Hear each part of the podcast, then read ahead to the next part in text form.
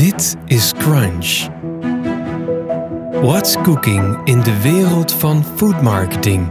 Met culinair journalist Marcus Polman. Hallo, mijn naam is eh, Marcus Polman. Hier hoor je over de movers en shakers uit de wereld van food en marketing. Met vandaag Manon van Essen, founder en CEO van Magioni Pizza. Je hoort in deze uitzending hoe zij drie jaar geleden de groentepizza bedacht. Wat de succesfactoren waren voor het uitbouwen van haar pizzamerk. En wat haar plannen zijn nu ze eerder dit jaar de meerderheid van haar aandelen heeft verkocht aan Dr. Oetker. Dit is Crunch. Met haar groente pizzabodems veroverde zij stap voor stap Nederland en sinds kort ook buitenland. Zij maakte guilt-free pizza voor iedereen toegankelijk. Manon was groot nieuws in Foodland eerder dit jaar toen ze de meerderheid van haar aandelen verkocht aan het grote Dr. Oetker. En iedereen in de foodwereld vroeg zich maar één ding af: hoe flikt deze dame dat toch? Manon, welkom. Dankjewel. Ja, hoe heb jij toch in godsnaam geflikt? Vertel. Nou, dat vraag ik mezelf ook wel eens af Ja. eigenlijk. Ja. Ja. ja, ik was toevallig eh, vorige week nog aan het denken dat ik dacht van... wow, het is wel heel snel gegaan eh, Ja. van je eigen keuken naar... Drie jaar geleden, hè, was Ja, het? drie jaar, Drie ja. jaar geleden in je eigen keuken. Beschrijf Ja. even dat moment. We gaan het erover hebben het komend half uur. Hoe je het hebt opgebouwd en wat je gedaan hebt. Drie jaar geleden. Ja, nou, Mar- idee. ja, Marcus, wij kennen elkaar natuurlijk van de voethallen. Zeker, ja. heel, en, eh, wel ver verleden. Ja, en daar had ik mijn eigen stand eh, in, in de gezonde voeding ook. Ja. En eigenlijk was dat dat... heette Friska. Ja, klopt. Misschien kun je even uitleggen wat je daar maakte. En we maakten sushi-rollen. Ja. En eh, eigenlijk eh, het idee was alles op een rol voor to-go eten. Ja, het was En- geen gewone sushi, toch? Ja, het was met quinoa. Met quinoa, ja. En eigenlijk eh, wat ik daar heel erg merkte is op het moment dat de massa kwam, werd onze rij korter. En de rij bij de pizza, die zat naast ons, werd langer. Ja. En ik stond daar en toen dacht ik, ja, dat is het ook. Mensen willen gewoon pizza. Die willen helemaal geen quinoa en sushi. Die willen te gewoon, ingewikkeld. Ja, die willen Ja. gewoon pizza eten. Ja. En eh, nou, op een gegeven moment zei ik tegen mijn compagnon van... weet je, ik geloof gewoon niet in dit concept. En eh, zij geloofde er wel in. Dus ik ben eigenlijk na 2,5 maand daar al eh, pleiten gegaan. Ja. En ik kon heel eerlijk gezegd die frituurlucht daar ook niet helemaal aan. Dus Ja. nee, dus zo... toen zat ik op de bank thuis. En toen met vriendinnen in de kroeg dacht ik... zeiden ze, ja, als je pizza kan eten zonder dik te worden... dan ben je spekkoper. Ja. En toen gaan bakken in mijn eigen keuken. Zo simpel was het idee. Ja. Wij gaan een pizza ontwikkelen waar je niet dik van wordt. Ja. Leg dat nog even uit aan de luisteraars eh, wat het concept is. Het is een, het is een groente pizza bodem, maar ook weer niet 100% groente. Hè? Nee, dat klopt. Ehm, bij Majoni eh, zeggen we dat je eigenlijk zeg maar, moet genieten eh, en gezond moet eten. Dus niet in moet leveren op je, op je genietmoment. Dus daarom hebben wij getest dat, dat tot 40% vinden mensen het acceptabel om groenten te verwerken. Ja. En daarnaast wordt het, soort, daarna wordt het konijnenvoer. Dus die 40% is een soort van tolerantie wat de massa tolereert. Qua smaak bedoel Ja, je dan met qua name? Smaak, ja, ja. Het zijn hele kleurige pizzabodems. Hè? Ja. Het is met, wat vertel even, het is met rode bieten. Eh, is het? paprika, courgette, eh, pompoen, eh, Pompoen, alles hebben we. bloemkool is Ja. het ook. Wat is de best lopende eigenlijk? De best lopende categorie? De bloemkool, omdat dat een, een bekende smaak... of tenminste, dat is bekend vanuit Amerika, de bloemkoolpizza. Ja, dat loopt het allerhardst. Ja. En nummer twee, denk Eh, je? de courgette. De courgette, ja. Ja. ja, Ah, Oké. En, en, en calorieën-wise, want daar ging het je ook om. Hoe verhoudt zich dat, denk jij, tot een normale pizza? Als je dat... Ehm, nou, het is niet alleen de bodem, dus ook met de topping houden wij heel erg rekening met. Bijvoorbeeld, we snijden onze vleeswaren flinterdun, zodat er minder calorieën in zitten. Ja. Ehm, dus in, in- met een belegde pizza is het ongeveer de helft van de calorieën. En met een pizza bodem is het ongeveer 30% minder calorieën. Dus ja, nou ja, dat tikt dan toch even aan. Ja. Ja. Ja. Het is een, ja, een bedrieglijk eenvoudig idee eigenlijk, Manon. We gaan eh, een guilt-free eh, pizza maken... Ja. waar, die, waar we niet zo vet, moddervet van worden. Ehm, maar dan heb je het idee en dan moet je natuurlijk het in de praktijk brengen. Kun je Ja. eens beschrijven wat jouw eerste stappen waren? Hoe je te Ja. werk bent gegaan? Ja, ik, ik kom van origine uit de tech, dus ik heb eerst een data-analyse gedaan. Sorry, uit de tech? Uit de tech, Oh ja, wat deed je daar? Eh, ik heb een software ontwikkeld waarmee je handschriften kan herkennen. Echt, dit compleet gaan we het niet over hebben Hmm. oh, wat vandaag. stoer. maar- Maar kan je programmeren ook, even voor mijn beeld? Ik kon het wel, ja, ja, zelf geleerd. Maar heb- dus, jij komt uit de tech, Ja, dus ik heb eerst een data-analyse gedaan met Google Trends en met Instagram. Ja. Dus ik heb geanalyseerd in hoeverre bloemkoolpizza trending topic was. En eigenlijk zag je gewoon dat het, eh, zeg maar het aantal posts per week... zag je gewoon cumulatief exponentieel groeien. eh, in Amerika. En je zag het in Nederland, zag je eigenlijk diezelfde hockeystick zag je aankomen. Hoe heet het in Amerika? Cauliflower? Cauliflower pizza. Cauliflower pizza, Ja. ja. Ehm, dus ik dacht van ja, en dat was dus dat mensen thuis nog maakten. Dus het was nog geen machinale oplossing. Dus ik dacht ja, als het al exponentiële groei heeft van mensen die thuis twee uur per dag een pizzabodem willen maken van, van bloemkool, Ja. dan heeft het nog meer potentie als je het gewoon kant en klaar kan kopen. Ja. Dus op basis van die data-analyse heb ik eigenlijk een soort van testcase gemaakt. Ja. Ehm, nou, dan moet je natuurlijk ook een soort van representatieve data hebben die je kan presenteren aan een Albert Heijn. Ehm, dus ik dacht, ja, hoe kan ik dat dan doen? Dus ik ben zelf toen in een pizzeria gaan werken. Ja. Enerzijds omdat ik dacht, oké, het is sowieso een mooi verhaal dat ik kan pizza bakken. Dus dat nemen ze me nooit meer af. Ik Ja. pizza, dat ik pizza Oh, je had nul kennis over pizza bakken, veronderstel klopt. ik. Ja. helemaal niks. Ehm, maar dat maakte ook, ik heb daar 3000 pizza's verkocht. En dat maakte dus ook enerzijds, wat ik net dus zei, dat het recept van 80% bloemkool naar 40% is gegaan. Maar dat was ook een hele goede eh, ja, marktvalidatie van wat is een goed prijspunt in de supermarkten. Dus elke avond liep ik naar mensen die het hadden gekocht. En gewoon eh, gezegd van joh, ik wil dit in de supermarkt brengen.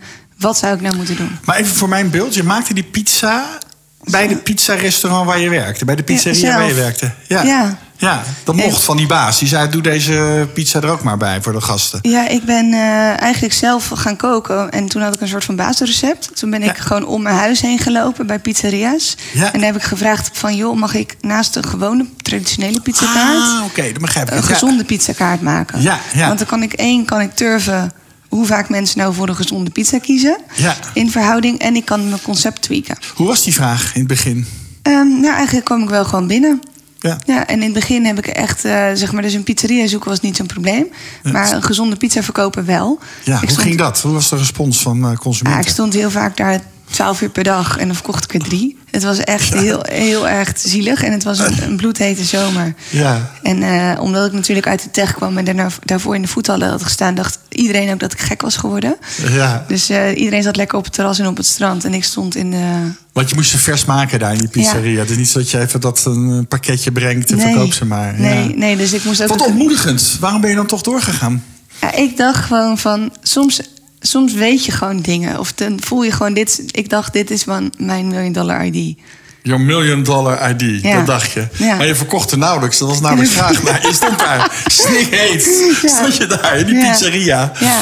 Maar de aanhouden wint, denk ik altijd maar. Ja? Ja, Je bent een aanhoudend type. ja, nou, ik, ik geloofde er gewoon in. Op een gegeven moment heb ik dus wel 3000 pizza's verkocht. Dus op een gegeven moment ging het wel. 3000 lopen. per? Eh, in drie maanden of zo. In drie Dus- maanden, Ja, oké. dus dat is voor een pizzeria niet superveel, maar het was ook niet verkeerd. En het- daarin zag ik heel erg van welke smaak eten mensen. Dus ik heb de, receptuur getweakt, dus mensen vonden het op een gegeven moment lekker. Ja. In het begin moest ik iedereen ook het geld teruggeven, want ze vonden het niet tevreden. Oh, dat was zo erg. Ja. Ja, ja, dus dat. eh, eh, maar goed, daardoor had ik wel een heel goed concept. En eh, toen ben ik daar eigenlijk gestopt.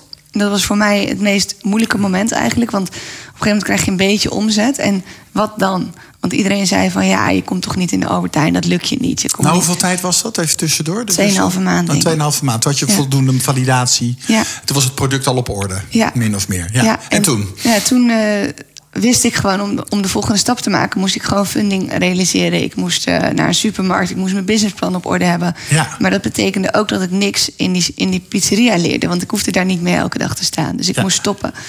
En dat vond ik heel erg lastig, omdat je, je weet niet wat er gaat gebeuren. Het is echt een stap in het diepe dan weer. Je hebt je receptuur en dan. Ja. Eh, en ik wist ook niks over certificeringen. Hoe kom je nou in een Albert Heijn? Ik wist gewoon niks. De keuringsdienst van waarde. Ja, waar, dat soort regeltjes dingen, waar je moet voldoen. Ja. Ja, dus eh, ik ben gewoon heel veel boeken gaan lezen en eh, heel veel plannen geschreven. En uiteindelijk aan vrienden gevraagd van, joh, wie, wie kan mij nou helpen? Ja? En eh, via via bij een investeerder of drie investeerders gekomen. Eh, Oké. Waarna uiteindelijk één, eh, één investeerder eh, mijn partner is geworden. Ja, ja. Ja. daar komen we zo nog even op te praten wie dat was. En het- Want die had ook meteen het startkapitaal. Eh, ik, had Geleverd. zelf, ja, ik had zelf nog wat, start, dus wat klein beetje startkapitaal, dus dat had ik zelf. Ja. En op een gegeven moment toen hij erbij is gekomen, was ik al in gesprek met Albert Heijn. Oké, hoe- Hoeveel had je nodig in het begin voor die eerste stap? Volgens mij heb ik het met, eh met 12.000 euro opgezet. En waar had je dat voor nodig? Nou, om mezelf eigenlijk te betalen. Ja. ja. Je moet ook leven. Ja, die drie maar niet in apparatuur? Of wat heb je? je had Ja, ook, ik heb eh, een, een, een deegmixertje was al bij die eh, pizzeria. De pizzaoven was daar ook al. Daar kon ik gewoon lenen. Dus in die zin, ja, ik had wat ingrediënten. Oké, eh, dus die ging je, je maakte het in die pizzeria, je eerste Ja. batches, je eerste producten. ja, en daar heb ik ook toen, als ik dan even niet zo druk was, maakte ik de website. Dus ik was gewoon, Ja, ja, deed het allemaal zelf. ja. Oké. Hey, en toen Albert Heijn heb je al laten, want dat was natuurlijk jouw launching customer. Een belangrijk kanaal om binnen te komen. Hoe heb je dat aangepakt? Ehm, nou, eigenlijk ben ik eerst bij Stag eh, Food geweest. Ja. Eh, en daar heb ik ook wat Ook testen. onlangs verkocht trouwens. hè? Oh, echt? Ja, ja. Oh, nou, dan ga ik even Ja, teruglezen zeker. straks. Ja, ja. Ehm, nee, dus eh, daar, daar ben ik eerst geweest. En toen de eigenaar, de Stag Schaberg, heeft mij best wel goede tips gegeven. En op een gegeven moment zei hij van... joh, Manon, superleuk, maar hier ga je geen geld verdienen. Nee. In die paar stagwinkels. Als je, het, als je het wil maken, moet je naar Albert Heijn. Te kleine distributie is dat. Leuke winkels, ja. maar het, past, product past er waarschijnlijk wel Past er bij. perfect in, maar hij zei van... ik denk dat alleen ik eraan verdien en Ja. jij niet. Nou, dat is wel Dus- heel lief advies. Ja. De harde zakenwereld. Ja, Dus, dat, eh, dus dat was eigenlijk heel goed. En hij zei ook van, ga ook niet... Ga gewoon naar de Albert Heijn. Ja. En misschien lukt het je wel. Dus eh, eigenlijk heeft hij mij... En zo had ik... Voor mijn gevoel wist ik helemaal niks. En elke keer kwam ik weer een stapje verder. Ja. En eh, nou, uiteindelijk dus bij een producent beland. Eh, die heeft een aantal samples gemaakt. En daarmee ben ik naar Albert Heijn gegaan. Oké, wat is het? Vertel eens wat over zo'n producent. Want dat lijkt me ook nog niet zo makkelijk. Moet je dan Nee, naar een concurrent of naar een andere er- pizzabakker? Of... Ik denk dat ik er twintig heb gevraagd. En Ja? iedereen zei ja, leuk, maar dat begint vanaf 10.000 stuks. Niemand wilde Ja. 10 stuks maken voor mij. Dat was gewoon. Had er tien, maar je had er maar tien nodig. Ja. Ja. Ehm, en gelukkig dat, dat mijn oom heeft een uitzendbureau voor Polen. En Ja. als de Polen op vakantie waren in de winter, dan moest ik als Pool spelen in die fabrieken. Dus ja. ik kende via via kende ik eh, iemand die zo'n fabriek had. Oké, een Dus pizzafabriek. Ja, Is dat? ja. Dus mijn oom had gebeld van... joh, mijn nichtje die, eh, heeft even tien samples nodig. Kan jij, kan jij helpen? ja. Waar moet je tien samples overigens tussen vragen? Hoor? Maar in een fabriek maken en maak je die niet zelf? Nou, dan is het niet goed gecertificeerd in Albert Heijn. Ik wilde wel gedegen bij een supermarkt aankomen. Ja, dat je laat zien, dit is echt machinaal geproduceerd. en geen en ik, ja. en ik kan ook van ik ben in staat om deze stappen te zetten. En niet van ik ben iemand met een leuk idee. Correct, ik begrijp het. En toen, jij klopte aan bij Albert Heijn. Ja. Manon, ga zitten. Wil je een kopje koffie, een glaasje water? Ja. En toen? Ehm, nou, ik had me wel heel erg goed voorbereid. Dus ik had een. eh, eh, dus naast de data-analyse die ik had gedraaid eh, met, met alle pizza's. Dus ik had alle statistieken van Google, alle trendsanalyses, alle analyses van de, de verkopen die ik had gedaan. En daarnaast had ik een aantal influencers gevraagd. Ja. eh, of zij wilden inspreken over het merk en een toezegging. Dus ik had een soort van mini-contract. Ja. Dus eh, ik had 30 mensen gevraagd. Die hadden toegezegd dat als dit product op de markt zou komen, dat zij er iets over zouden zeggen. Ja, zitten daar spraaknamen, uh, spraakmakende namen toen bij? best wel, ja. Zeg maar. Ja. Dus bijvoorbeeld een Klaartje Roos, die heeft nu wel iets meer dan een half miljoen volgers. Toen was ze nog niet zo groot. Maar er waren wel een aantal mensen die, ja, die, daar, die daar mee wilden werken. Ja, en die jouw product ook zagen zitten, want ze Ja. moeten het echt lekker vinden. En dat was het geval, kennelijk. Ja. Dus, dat, eh, dus dat was heel erg prettig. En ik had niet, ze zeiden niet gelijk van nou, dit is heel goed. Maar na vijf gesprekken, toen zei ik van joh, maar wat is nou het risico? Weet je, als je mij in 30 winkels. Wat, wat, wat kan jij nou verliezen voor Daar mij? gingen vijf gesprekken Ja. overheen. Ja, voor 30 winkels. En Wauw. toen zeiden ze, nou, dan leggen we je gewoon in alle Excel-winkels. Want ik had ook geen geld. Dus ze zeiden ook, je, ja, je gaat nooit dan van die schappen afkomen. Dat, dat lukt je niet. En toen zei ik, nou... Zonder promotie, zeg ja. maar. Ja. Dus ik zei van, nou, als ik het mag proberen... dan kan ik het in ieder geval bewijzen. ja. En ehm, toen heb ik dat 30 winkels gekregen. Met, Was het een beetje gunnen ook? Ja, Dus ik, Zo'n leuk meisje, leuk, kan- vol met ambitie. Ik kan, pas nog, eh, ja, ik kan pas nog die vrouw tegen. Ja. En ik, dacht, ik zei, ik moet bijna huilen dat ik je zie. Ik ben zo dankbaar dat je Oh mij ja? die kans Oh, hebt gegeven. Ja? Ja, en Wie zei was ook, dat? eh, Even namen. Ka- Karine Fortanier, ze zit nu ook nog steeds bij Albert Heijn. Oké, zij was de category manager, pizza's. Ja. Ja, dus, eh, en eh, zij had ook wat tips gegeven van... we hadden dan alleen die bloemkool. En ik had ook een rode biet. En die rode biet vond ik eigenlijk zelf niet zo goed. Maar ze zei bijvoorbeeld, als je die op de markt legt... dan, dan heb je misschien je promotie niet nodig... want die spat zo van het schap af. Ja, Die trekt visueel wel- heel aantrekkelijk. Ja, en zo, Ja. dus zij had dan weer met dat geholpen. En Ja. Stag had weer met wat anders. En de producent. Dus, Ja. dus iedereen, eh, ja, die was, het was eigenlijk een product bijna van iedereen geworden. Ja, je lag in 30 winkels met Ja. twee varianten. Ja. De rode biet en de bloemkool. Ja. Pizza bodems, hè, hebben we het over. Want je doet ook belegde pizza's. Dat kwam maar later. Dat is een ander verhaal. Ja, dat kwam later. Dat- en toen, hoe ging dat? In die 30 Ehm, winkels. Nou, ik dacht wel, ze zeiden je hebt vier weken om je te bewijzen. En als het binnen vier weken niet lukt, dan gooien we er ook weer af. Ja, En dat was de deal. dat was de man- one million dollar dream Ja. was aan het diggelen. Ja, Ja. en ik had echt geen geld. En toen eh, zei ik tegen een vriend van... joh, ik moet iets verzinnen. Ik moet ergens komen waardoor dit eh, gaat lopen. En toen zei hij, ja, maar ik ken iemand bij RTL Boulevard. Ik ga gewoon regelen dat jij op RTL Boulevard komt. Oké. Dus, Ja. En toen is daar een uitzending eh, geweest. En ehm volgende dag waren we overal uitverkocht. Zoveel effect had dat. Ja. De volgende dag in alle winkels uitverkocht. Ja, Wat was dat vooruit. item in RTL Boulevard? Hoe ging dat? Gewoon over dat ik een, een product had bedacht en dat het in de Albert Heijn kwam. Ja, jouw, persoonlijk, jouw Ja. persoon werd in de, als Ja. nieuws gebracht. Ja, als pizzabakker naar een Eh, supermarkt. eh, pizzabakker. Ja. Oh, wat geweldig. Ja, ja. En toen, eh, ja, toen waren we overal uitverkocht. En toen ging het eigenlijk door het nieuws en door de influencers... zijn we toen eigenlijk gelift of zo. Toen is het gaan Ja. rollen. Ja. Je had eigenlijk momentum gecreëerd, zou je Ja. kunnen zeggen. Ja. Ja. Dat noemen ze ook wel de tipping point, hè? ja, Dat, dat je was een het. soort kritische massa bereikt en opeens slaat het om. Toen sloeg het om. En toen eh Hello Fresh deed toen ook nog in de box. Dus toen pushte, dat was toen destijds ook heel populair. Dus dat pushte het ons ook enorm. En eh, eigenlijk hadden we gewoon... Ja, het is, het- ik heb er natuurlijk ook hard voor gewerkt. En toe- toeval bestaat niet. Maar we hadden wel heel veel dingen mee. Dus dat, Ja. is, wel, eh, dat is wel prettig. En dat was allemaal die tijdsbestek van die vier weken. Dat je Ja. moest bewijzen, min Ja. of meer. Dat het eh, ging, ja. Dus bij Albert Heijn zeiden ze ook, je mag door. Ja, en toen gingen we naar 85. En eh, zeg maar, elke keer voelde het alsof je een soort van Michelin-ster krijgt, zeg maar. Bij elke Eh, winkel die erbij komt. Ja, ja. ja. en ik ging ook zelf koken in de winkels om eh, zeg maar mensen te laten proeven. En, Ah, Oké, ja, dat deed je ook zelf. ja, ja, ik had ook geen geld, dus ja, ik moest wel. En dan had ik zelf een steentje gebouwd. Had je Eh, mensen in dienst al inmiddels dan? Nee. eh, Tot die, die, die samples? Nee. Die eerste Nee, ik denk het 85 eerste jaar winkels? niet. Nee, Nee. Hoe deed je de productie? Eh, via de producent. Via die producent waar Ja. je in eerste instantie ook was aangeklopt. Ja. en die was bereid ook die, die toch relatief kleine aantallen voor Ja. jou te blijven Met, maken. met een hele grappige deal. En Ja. Ze zeiden, we, we, je krijgt een prijs eh, die dan goed was voor de supermarkt. Maar de eerste drie jaar veranderen we de inkoopsprijzen niet. Dus ik Ah, betaal nog steeds mijn, mijn dankbaarheidsfee, noem ik het. eh, Ja, eh, aan die producent. Ja, Ja, ja, die is ook wel gezind in ieder geval. Ja. Jeetje, ja, ja. Het, het is je van alle kanten ook gegund, kennelijk geweest. Voor alle partijen, althans, dat is ook jouw kwaliteit. Dat je ze wist te enthousiasmeren voor jouw plannen. Maar ja, En, zo eh, is ja, dat is de- eigenlijk stel- steeds het verhaal of zo, zeg Ja. maar. De- Dat is ook in het buitenland en ook in Nederland nu. En, eh, Ja. ja. Hoeveel, hoeveel funding in financiële zin had je nodig in die, die, beginperiode?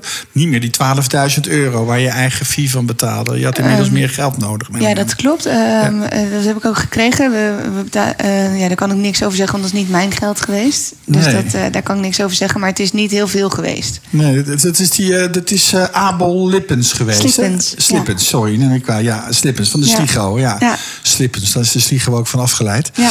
En die heeft daarin geïnvesteerd in jouw bedrijf. Ja, dat klopt. Ja. Voor hoeveel procent van de aandelen had hij? Ja, dat mag ik ook niet zeggen. Dat willen jullie niet, eh, Nee. maar niet de meerderheid. Dat Nee. ding nog bij jou op dat moment. Ja. Oké, dus dan zat je bij 85 winkels. En dat is uiteindelijk weer verder gegroeid de Ja, afgelopen en toen jaren. werd hij eigenlijk ook mijn coach. Eh, dus, hij, eh, dus toen zijn we het een beetje samen gaan doen. En ehm, ja, we hebben echt dagelijks gespart. En daardoor denk ik dat ik echt in een sneltreinvaart ben gegaan. Want ik had bij 85 winkels een beetje, oké, en nu? Ja. Eh, wat zijn de goede stappen en hoe moet ik dit nou doen? Waar liep je tegenaan op dat moment? Wat, wat waren Ehm. de uitdagingen die je... Nou, wie neem je aan? Hoe maak je een professionele organisatie? Ehm, ik kreeg heel, vragen, heel veel vragen bijvoorbeeld vanuit Amerika. Ehm, we kregen echt aanvragen vanuit overal. Dat werd al opgemerkt, terwijl Ja. je nog zo'n la- relatief lage distributie hebt. Ja. Ja. En ehm, eh, hij heeft mij geleerd om heel erg mijn beide voeten op de grond te houden. En eh, juist gewoon te doen wat, wat, eh, waar ik voor was. Namelijk zorgen dat het heel goed verkoopt in Nederland. ja. Dus, ja. en de- zo hebben we het stapje voor stapje gedaan. En denk ik dat ik ook niet te veel ben gaan vliegen. ja. ja. Wat, wat vond je het moeilijkste in die fase van de ontwikkeling van jouw bedrijf en jouw merk? Ehm, dat vind ik nu nog steeds. Maar ehm, stel je voor dat je, dat je ehm, alles wat je ooit bedenkt, dat het ineens werkelijkheid is. Dus dan, dat is toch heel gek. Dus ik zat mezelf echt in de weg. Want ik dacht, ja, alles wat ik bedenk, dat ge- gebeurt. Hmm. En ik vond het gewoon dat ik dacht van, oh, wanneer houdt het op? Eh, het gaat alleen maar goed, goed, goed. Ja, Dus ik vond het, ik vond het heel eng. Je vond het een beetje... Het succes overviel je ja, misschien het een overviel beetje. me, ja. En dan Ja. dat mensen het ineens kenden. En eh, dat mensen dan jou kennen. En dat vond ik allemaal een beetje eng. En ja, werd een beetje onzeker van of zo. ja. Dus want er dat- gebeurt kennelijk heel veel in zo'n fase... dat mensen jou gaan benaderen Ja. en dingen van je willen. Ja, en ik ben zeg maar van nature best wel introvert. Dus dat, dat vond ik heel, heel bijzonder. Ja, nog Ja. andere dingen waar je tegenaan liep? Ook Ja, business-wise, zeg maar? heel erg. Eh, hoe, hoe, ga je, zeg maar, hoe ga je grotere producties doen? Wat doe je met nulleveringen? Eh, de export, hoe exporteer je naar andere landen? Ehm, hoe ga je met om met grotere marketingbudgetten? Hoe bereik je de massa? Heel Ja. veel... eh, heel Ja. veel eh, ja. Kun je daar wat op inzoomen? Hoe bereik je de massa? Dat is natuurlijk heel belangrijk in het ontwikkelen van een, van een foodmerk. Hè? Ja. Dat je na die eerste fans die je weet te bereiken, van Ja. foodies vooral, eh, veronderstel ik, dat je dan van daaruit een grotere groep wil bereiken, meer mainstream wellicht. Hoe, heb je, hoe, heb je, hoe ben je daar te werk gegaan? Ehm, nou, ik heb eigenlijk heel veel merken geanalyseerd en gekeken wat, eh, wat daar de benefits waren. Ja. En je ziet eigenlijk dat elk merk wat uiteindelijk een beetje stand houdt, dat dat in een, in een soort van niche is begonnen. Eh, dan Ja. krijgt het een soort van aardbaarheidsfactor en dan is het niet te snel naar de massa gegaan. Dus het is een beetje gefaseerd naar de massa gegaan of dat mensen het kenden. En vaak is er iets van een schandaal aan de hand, zeg maar. Dus de- een soort rebels zit er in, in, Ja. eh, in het merk.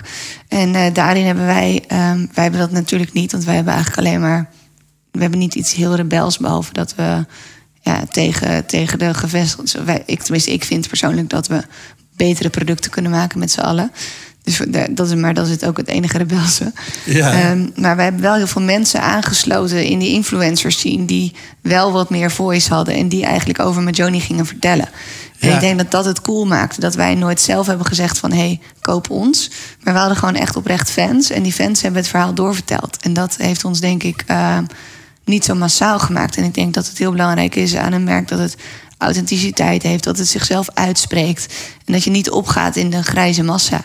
Ja. Eh, dus ook bijvoorbeeld met tv-commercials. Ik wilde dat per se niet. Ik wil gewoon vanuit creativiteit wil ik, eh, wil ik marketing doen. En niet vanuit een gekochte eh, Ja. bestaansrecht, zeg maar. Welke acties heb je ondernomen om die voice eh, uit te breiden en groter te maken? Je had die eerste 30 influencers waar je Ja. vertelde, Ja. die in eerste instantie jou eh, omarmden. Ja. Maar daarmee ben je er niet, want dan moet je naar een hoger level gaan natuurlijk. Kun je daar Ehm, iets over vertellen? Ja, we hebben heel veel challenges gedaan eigenlijk met, met de influencers. Dus we hebben bijvoorbeeld eh, creëer je beste vegan pizza. eh, zeg maar, zij, die influencers kunnen ook meedenken met onze toppings. Onze consument kan ook meedenken. Dus wij, wij chatten heel veel met onze consumenten wat ze willen. Ja. Waardoor ik denk, ik denk dat dit dat Majoni een merk is waar je gewoon heel dichtbij staat. Ja. En dat ehm, de consument ook invloed heeft met wat er gebeurt. Dus een voorbeeld is dat, ehm, eh, dat met snacks, dat mensen echt zeiden van joh, maak het vegetarisch. Waarom, waarom, waarom moet pizza altijd met vlees? Het is 2020 bijna, weet je. Waar hebben we het over? Ja. En dat is wel bijzondere informatie. Ehm, en ik denk, doordat wij zo dicht bij de consument staan... en ook bij, met name bij de millennial doelgroep... Ja. Ehm, hebben wij eigenlijk, kunnen wij en bij de data aantonen dat wij hele andere consumenten trekken dan het gemiddelde pizzaschap. Dus wij, Ja. eh, wij, wij zijn gewoon een ander merk. Dus wij cannibaliseren ook niet in het pizzaschap. Het is niet Ja. dat, dat een supermarkt minder pizza's verkoopt doordat wij er zijn. Dat is natuurlijk aan de distributiekant heel belangrijk. Ja. Dat is Ja. echt een toevoeging aan Ja. dat schap. Over die, die influencers waar je mee werkte, waren dat betaalde samenwerkingen? Nee. Helemaal niet. Nee. Of een beetje misschien. Nee, in het begin helemaal niet. Eh. Vorig jaar zijn we daar een beetje mee begonnen. En nu, nu gaan we dat natuurlijk wel uitbreiden. Ja. Ehm, Wat maar- maakt dat noodzakelijk dat je nu wel de portemonnee moet trekken? Wij willen nu ook wel wat grotere influencers. Want als je kijkt, is Majoni nog niet... eh, niet iedereen kent Majoni. Nee. En dat is natuurlijk het doel. Dus Ja. dan moeten we ook wat meer, ja, ook meer de massa op. Maar wel op een authentieke, ja, authentieke manier. Ja, en daar moet geld voor eh, Ja. op tafel Het is komen helaas zo, ja, ja. Je kan niet vasthouden Nee. en dat verder nog door daarop voortbeduren. Nee. nee, nee, oké. Hoeveel geld is daarvoor nodig? Wat, wat is het? eh, kun je daar iets over zeggen? Dat- dan- eh, dan- qua marketing en budget, wat jullie daarvoor Ehm, allokeren per jaar? Ik denk wel dat wij altijd nog voor een dubbeltje op de eerste rang zitten.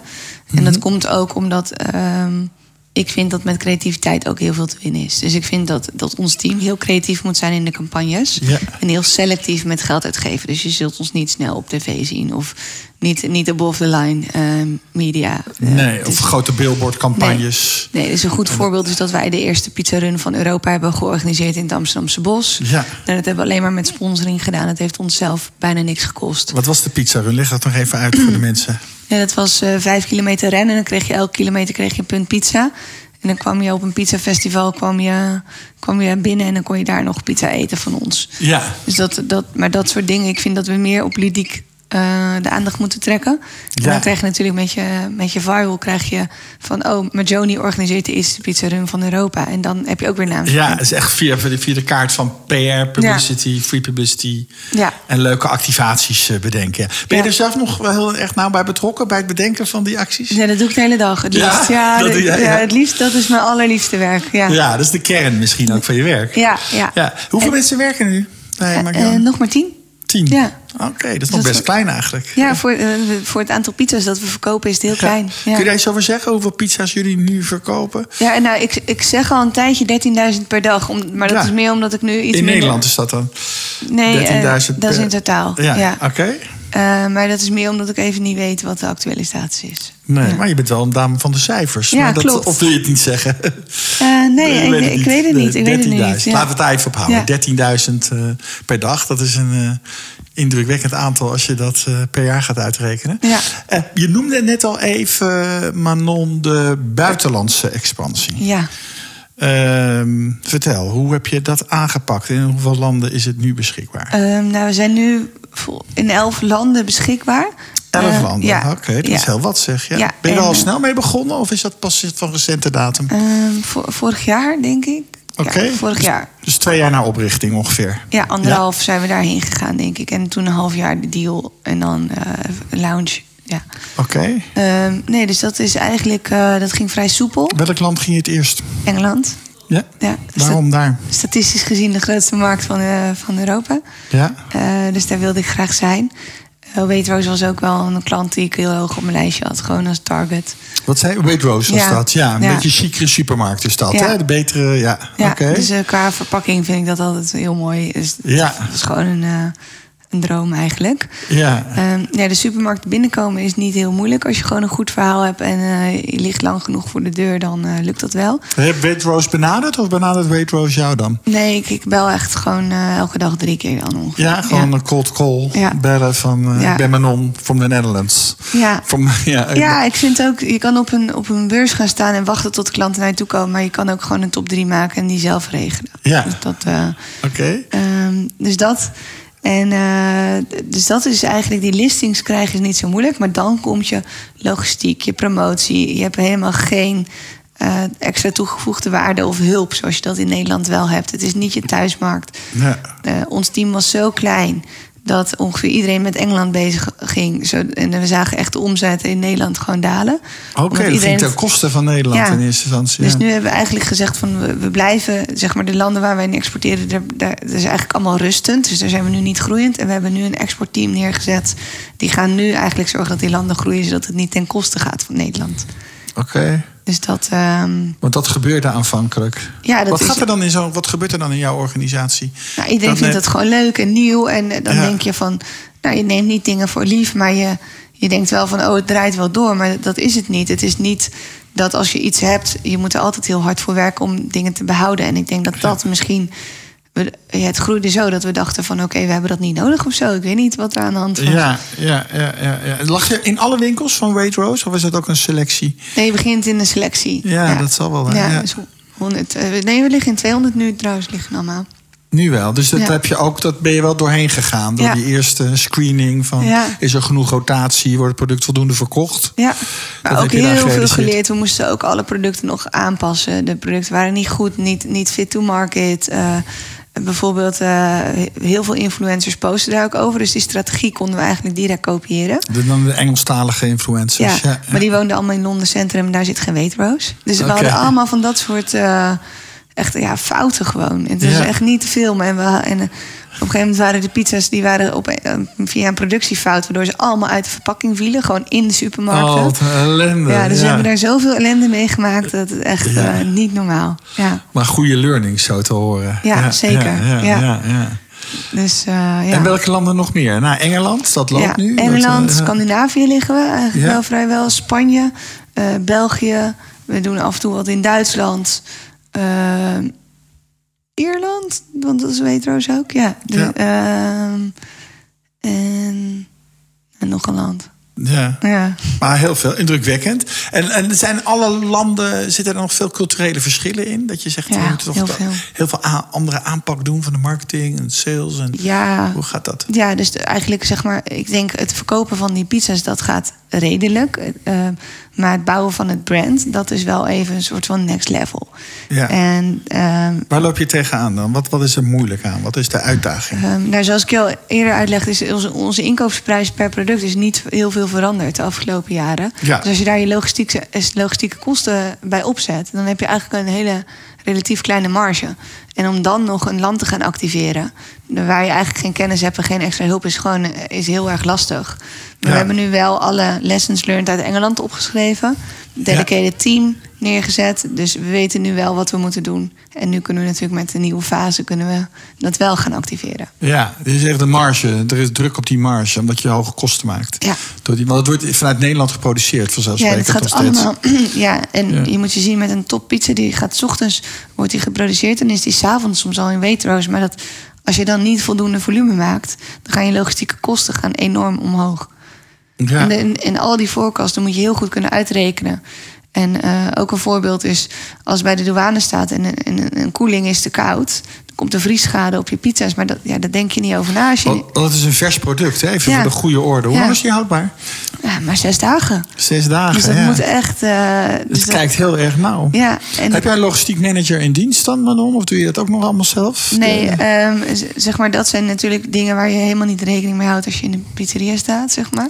Ja. Eh, maar we hebben partijen daarvoor die we aans- aansluiten. Dus voor elk land sluiten we de verschillende partijen aan. Die dat voor jullie regelen. Ja. Dus we hebben het hier over de uitdaging van, eh, van een start-up naar een scale-up. Hè? Ja. Hoe ga je dat nou opschalen Ja. en hoe ga je dat aanpakken? Ja. En eh, heb je ooit overwogen om gewoon de naam in licentie te geven aan een producent? En, dat, eh, en dan een hè, licentiedeal voor de merknaam. Nee. We hebben hier de mannen van Mr. Kitchen aan tafel Ja. gehad... die de pindakaaswanden doen. Ja. Hè, met, en die hebben dat model. Die hebben Ja. zich helemaal niet in die logistiek willen verdiepen. De opschalen van productie, noem maar op. Heb je dat ook overwogen? Ehm, nee, eigenlijk. En ik denk ook het verschil tussen de mannen van Mr. Kitchen, die zijn heel creatief. Ja. En ik ben ook wel creatief, maar ik denk dat ik meer ondernemer ben. Ja. Dus ik wil dat zelf bouwen. Ja, wel, dat is- het is echt jouw merk, zo Ja. voelt dat. Hè? Ja. Ja. Ja, En dat licht bezien is natuurlijk eh, razend interessant, eh, Manon. Het was ook groot nieuws in, in Foodland. Dat, eh, ik meen dat het in april was dit jaar... dat er opeens het bericht kwam dat eh Magioni Pizza van Ja. jou... na drie jaar eh, de meerderheid van de aandelen verkocht aan dokter Oetker. Ja. Dat heeft jou ook verrast. Dat was natuurlijk een eh, Ja, ik zat ook met nieuws. Mr. Kitchen. Toen, ik- zeg maar, toen, toen ik het net las, zeg maar, van oké, het is rond, stond ik naast de, de mannen van Mr. Kitchen. Oh ja, Maar ik kon natuurlijk niks zeggen. En toen zeiden ze, ja, en hoe ga je dat nou doen met die financiering? Zeg, Ja, die vond het ook wel interessant, Ja. jouw expansie. Ja. Ja, dus dat. eh, nee, ik, eh, ik heb altijd gezegd van ik, ik start dit en ik ga, ik ga het verkopen aan een Unilever-achtige partij. Dat is altijd mijn doel geweest vanaf dag één. ja. Dus ik in die zin eh, waren mensen heel verbaasd, maar ik niet. Want Nee. ik vond dit al. Ik heb dit ook, als je het leest in de interviews vanaf dag één, heb Ja. ik dit altijd gezegd. Dus dat, Ja. in die zin is dat niet heel verrassend. Maar toen vorig jaar drie partijen naar mij toe kwamen om voor, voor een, een dergelijke overname. Want hoe ging dat? Er kwamen drie partijen naar jou toe, totaal- ja, in Uit totaal- zichzelf, ja. Ja. Ja. En in het begin dacht ik, nee, het is te jong. Weet je, Abel en ik zijn net lekker bezig. We moeten dit, we moeten dit zelf doen. Maar eh, gaandeweg en helemaal met, met de learnings in Engeland. Kijk, als, als inderdaad, als je vriesschade hebt op je pizza's. Je pizza's vallen uit de verpakkingen in de supermarkten. Je omzet loopt in Nederland terug. Omdat je niet voldoende kapitaal hebt om je, om je export te bekostigen. Dan, dan gaat het ten koste van je brand. En ik denk nooit dat je ego ten koste mag gaan van je merk. Ja. En het is natuurlijk niet. Je ego zegt van nee, ik doe het zelf. Het is mijn merk en eh Ja. rot op. Maar Ja. ehm, mijn kennis dacht ik, ja, ik kan nooit zoveel weten over pizza als dat zij dat weten. Ja. En ik, eh, ja, En toen zat meneer dokter Oetker zat aan jouw tafel. Ja, dat was een Ja. van de partijen, ja. En ik Ja. eh, dacht eerst van, joh, dit is larikoek. Ze, ze, ze lullen maar wat. Ze willen gewoon het recept weten. En Want dan- wat wilden zij? We zeiden zij meteen, we zijn geïnteresseerd Ja. om je over te nemen? Of was het een andere en, ja, en ik dacht gewoon van, joh, eh, wat zit je nou te lullen? Dat zou ik ook zeggen. Je wil gewoon een receptuur. Ja, En, en dat had ik dus ook met die andere partij. En toen op een gegeven moment toen dacht ik, ja, maar als drie partijen dit zo... en ze blijven maar terugkomen, toen dacht ik, ja, misschien zit er ook wel wat waarheid in. Ja. Maar ik kon dat zelf helemaal niet bevatten. Dat ik dacht van, joh, eh, ja... Even terug, hè? Jij, jij noemt dat die receptuur. Dat heb, je natuurlijk, dat heb je net beschreven. Daar heb je best wel een tijd over gedaan om dat te optimaliseren. Maar uiteindelijk 2,5 maand Ja. hè, via jouw pizza-restaurant waar je werkte. Hoe exclusief en ingewikkeld en uniek is eigenlijk die receptuur? Niet. Zo'n dokter Oetker met R&D, die kunnen toch zelf een groente Ze hebben 50 mensen in dienst daarvoor. Ja. ja. Nee, die Leg dat eens uit dan. Waarom Nee, dat- dat- hebben ze dan... Ja, ik denk dat zij, zij- wij zijn in staat om een andere markt te, be- be- te bewerkstelligen. Wij kunnen relatief makkelijk. Wij hebben gewoon de consument mee, maar ook de supermarkten en het verhaal. Kijk, het is gewoon als ik naar een supermarkt ga en het verhaal, weet je, mensen willen elkaar uiteindelijk van de dag heel vaak wel gewoon helpen. En dat is bij ons ook, weet je. Het is gewoon een leuk verhaal. Mensen willen daarbij zijn en die willen Ja. daaraan bijdragen. Dus het is meer dan het recept alleen. Het Ja. is ook natuurlijk de, de goodwill die ze daarmee kopen. En de, de, hè, de ja, brand, en, en de visie. En ik, ik wil Ja. wel dat met Joni ook eh, een gezondere variant altijd blijft. Dus ik wil helemaal niet dat het een, Nee. een traditionele pizza wordt. Hoe gingen die gesprekken verder met dokter Oetker? Dan heb je een kennismaking. Ja. En dan? Dan heb je nog geen deal, nog nee, geen afspraak. het- het- uiteindelijk heeft dat drie kwart jaar geduurd. Met eh, heel veel advocaten, hele grote teams. Eh, dat Abel Slippens zat er ook bij. Ja, die zat er wel aan- bij, ja. ja. die begrijpt dat spel. Als ligroman. Ja. Ja. En het, eh, ook heel grappig, wij hadden, al, wij hadden altijd samen hadden we iets op papier gezet. En we hadden altijd zeg maar onder dat. da- Daaronder verlaat niemand de tafel, zeg maar. Dus wij wisten ook, we waren heel goed op elkaar ingespeeld. En voor ons was het ook een soort van: als het lukt, dan eh, is het mooi. En eh, ik heb ook weer heel veel geleerd. Want het is natuurlijk een super leerzaam traject om zoiets te mogen doen. Dus ik vond het hartstikke mooi dat ik dat eh, op zo'n jonge leeftijd mocht meemaken. Ja, want hoe oud ben je even tussendoor? Ik ben eh, 31 nu. 31, ja. dat is interessant. Met Ja. hele teams van eh, Ja. lawyers, advocaten, Ja, notarissen en het erbij. echt s'nachts nog wordt wakker gebeld om vier uur van... en eh, inderdaad, daarom die punten, dat mist en dan ga het nu opzoeken. En Ja. het hele team wist van niks. Dus het was ook dat ik vaak s'nachts werkte...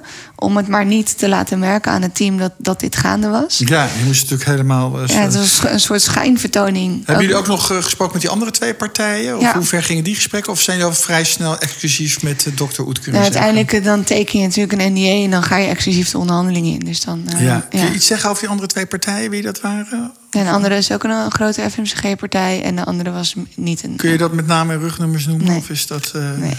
nee. Nee. Hey, en toen... ehm, wat, wat bracht dokter Oetker jou? Waarom heb je in eerste instantie voor hun gekozen? Ehm, omdat ik het idee had, zeg maar, ik heb natuurlijk, zoals je misschien wel weet, een vrij sterke mening. En een vrij sterke visie over hoe het, hoe het brand groot moet worden. Ja. En ik ben nog niet klaar met mijn Joni. Ik wil daarbij blijven. En Ja. ik wil niet dat ik in de, in de achterbank word gezet en als een soort speelpop mee mag eh, Ja. met gesprekken. Ik wil zelf aan het roer staan. Ja. En dat, dat konden zij mij bieden. Wat voor afspraken heb je erover gemaakt, concreet? Nou, gewoon dat ik nog steeds eh, zeggenschap heb en eh, dat ik de koers bepaal voor het bedrijf. Maar je hebt wel de meerderheid van de aandelen, ook in stemrecht, heb je overgedragen. Of Daar niet? kan je goede afspraken over maken. Ja. ja. Dus Dat is een heel diplomatiek antwoord. Daar kan je goede afspraken. Maar heb jij het nog voor het zeggen? Dan Ja. als eindverantwoordelijke. Ja, is dat zeker. Ook, dat is Ja. ook vastgelegd. Ja, en dat is ook Je hebt de beslissende stem in de beslissingen die nu worden genomen. Ondanks dat je de meerderheid van de aandelen hebt overgedragen. Ja. Dus het stemrecht ligt is technisch gezien hoor. En ik maar denk, dat het, ik denk ook dat het, dat het ehm, nu makkelijk is, nu het goed gaat. Hè? Ja. Dus eh, als het goed gaat, dan hoor je natuurlijk niemand klagen. ja. Dus eh, ik kan dat nu nog wel zeggen. Ja. Dus je weet niet, eh, ja. Precies, maar ik denk, zolang het goed gaat, gaat het goed. Ja, want wat heeft het gebracht tot nu toe? Het is in april is dat eh, tot stand gekomen. Ja. Zijn er al de eerste vruchtbaar van, eh, de eerste vruchten zijn die al zichtbaar daarvan, van die samenwerking van de fusie voor jouw merk en de Ehm, groei? Wat Nou, met name is het eh, voor ons de hele back-office. Dus de hele integratie met de back-office. Dat is heel erg prettig. Dus dat er gewoon eh, financiële rapportages, dat dat beter geregeld is. Je kan je voorstellen dat wij heel veel voorfinanciering nodig hebben... voor eh, de producten inkopen en de verpakkingen... en die, die forecast te maken en dat soort dingen. Ja, ja. Nou, het logistieke verhaal hebben we natuurlijk. Een, supply chain door heel de wereld eigenlijk... waar we op kunnen leunen. En Ja. we hebben alle connecties nu. Dus wij kunnen gewoon waar we willen... Van alle supermarkten Ja, van alle... ja. En dat is wel heel erg leuk. Ja, Ja. dat kan ik me voorstellen dat dat een Ja. enorme groeimogelijkheden geeft. Wordt het nog gemaakt in de fabrieken, die, eh, de producent die je aanvankelijk had? Ja. Of komt het nu uit de Dr. Oetker fabrieken over de hele Nee, wereld? nee, we zijn eigenlijk eh, echt een standalone eh, partij. Ja. Eh, dus in die zin kunnen we... We zijn connected, but not integrated, eh, zeggen we. Connected, maar not integrated. Ja. Oké. Dus eh, we kunnen leunen op, op, de, ja, op de grote wijsheid en kennis. Ja. Eh, maar ik vind wel dat we de, de flexibiliteit van een start-up of scale-up moeten behouden. Komt er ergens, is er een referentie op de verpakking dat Macchioni Pizza Nee, ook een connectie heeft met Dr. Oetker? Of Nee. bewust niet? nee niet. Nee. Nee, nee. Ik vind ook... ehm, kijk, Majoni ontwikkelt... Het verhaal ontwikkelt zich zoals wij dat willen. En dan moeten we niet... eh, nee, Dat zou het eerder vervuilen, het verhaal. vind ik wel. Want Dr. Oetker heeft natuurlijk een heel ander imago. Ja, en, En en, een ander soort pizza maken. ja, en dat die. is traditionele pizza. En Ja. ik vind, on, Majoni vind ik een nieuwe generatie pizza. Ja, Dus zeg maar net zoals dat jij zegt van ik, ben, ik hou van carnivore, van, van vlees. zeker. Ja, maar dan, ja. dan moet je ook misschien niet iets met vegetarisch gaan doen. Nee. Dan moet nee. jij gewoon lekker heel goed vlees blijven maken. Ja, ja, ja. En, dat, en dat hoeft niet verkeerd te zijn. Ja. Dus ehm, ja, nee, dat is een, eh, dat is een helder. Is het denkbaar dat, dat Magioni ooit toch opgaat, eh, Manon, in het grote Dr. Oetker? Ook als brand en als naam? Nee, niet zolang ik er zit. Nee, nee echt niet. Ik Nee. zie jouw ogen Ja. fonkelen nu. Nee. Kunnen de lu- luisteraars niet zien, maar ik zie een vastberaden blik in jouw ogen. Dat nooit. Nee, nee. dat, daarvoor is het niet. eh, wij, wij zijn nog veel te veel bezig met ons verhaal bouwen. Het is nog niet eh, af. Ja. We kunnen nog eh, veel verder. Ja. Ja. Even tussendoor, voor we naar de toekomst gaan. Hoeveel van de meerderheid hebben zij, Dr. Oetker? Daar kan ik geen uitspraak Dat is, dat is niet disclosed. Nee, nee, nee. De toekomst. Ja. Magioni Pizza. Je hebt een belangrijke stap gemaakt. Ja. Grote partner nu. What's next, Manon? Grootste pizzamerk van Europa worden. De grootste pizzamerk van Europa. Ja, dat, eh, dat is altijd mijn droom geweest. Dat hoop ik. En ik hoop dat eh, dat, dat gaat lukken op deze manier. Ja. Ja. En wanneer moet dat gerealiseerd zijn? Ik hoop wel binnen vijf jaar. Dat zou wel leuk zijn. Binnen vijf jaar. Ja.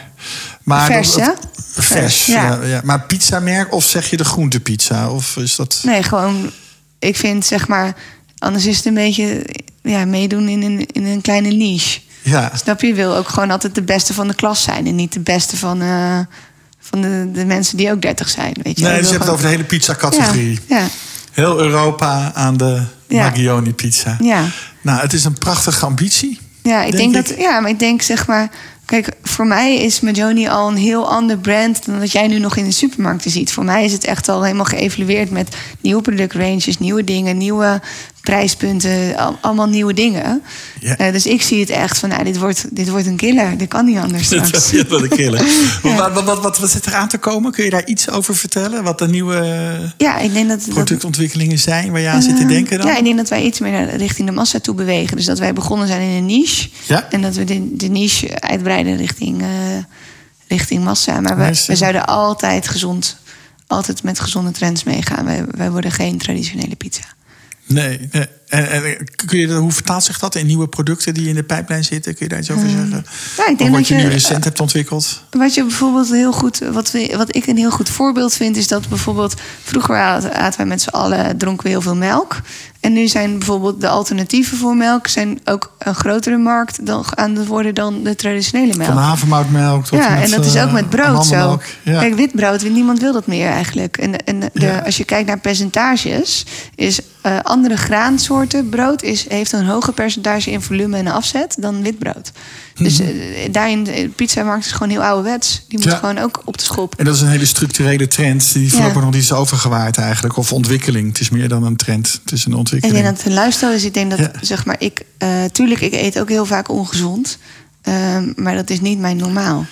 Nee. En wat wordt jouw grootste uitdaging, Manon, voor de komende jaren voor Ja, jezelf? toch wel echt het logistieke netwerk hoor. Als Logistiek je, netwerk, ja, ja. want als je 's ochtends moet produceren en je moet 's middags in Spanje zijn, dan heb je wel echt. eh, Dat is dat, ja. En Ja. wat je al eerder zei, die voeten aan de grond houden. Ja, en het brand eh, ook goed kunnen bouwen in een buitenland. Dus echt een Spaanse. dus hoe kan je nou die Spaanse consument echt goed bereiken? En dat Ja. wordt echt wel een uitdaging. Ja, om daar ook je marketingkennis of voor die lokale markt eh, goed eh, voor Ja. in te zetten. Ja. En eh, ja, je bent ook een vrouw in bonus nu, hè, na deze deal. Mag ik dat zo zeggen? Wat, wat Een vrouw in bonus. Je bent een, een vermogende vrouw met deze deal. Je zou ook kunnen Ja. stoppen met werken wellicht. Ja, dat, dat zou kunnen. Dat ja. zou kunnen, ja. Ja. Maar dat zit er niet in bij jou. Nee. Voorlopig. Nee, ja, dat merk je wel toch. Ik vind het veel te leuk. Ja. Ja, ik sta op met pizza en ik, ga- ja, ik vind het veel te leuk. Ja, ik zie het in je ogen. Ja. Geweldig. Hartstikke leuk dat je eh, erbij was en Ja. wilde vertellen in deze uitzending van Crunch over eh, jouw fantastische avontuur. Geweldig gedaan. Complimenten vanzelfsprekend. De Crunch Podcast is een co-productie van het PR-bureau in samenwerking met Marketing Tribune. Heb jij een leuk idee voor een gast of wil je zelf in deze Crunch Podcast over een business case komen vertellen? Stuur dan een mail naar marcus@hetprbureau. Dit was Crunch voor Keep on eating en graag tot een volgende keer.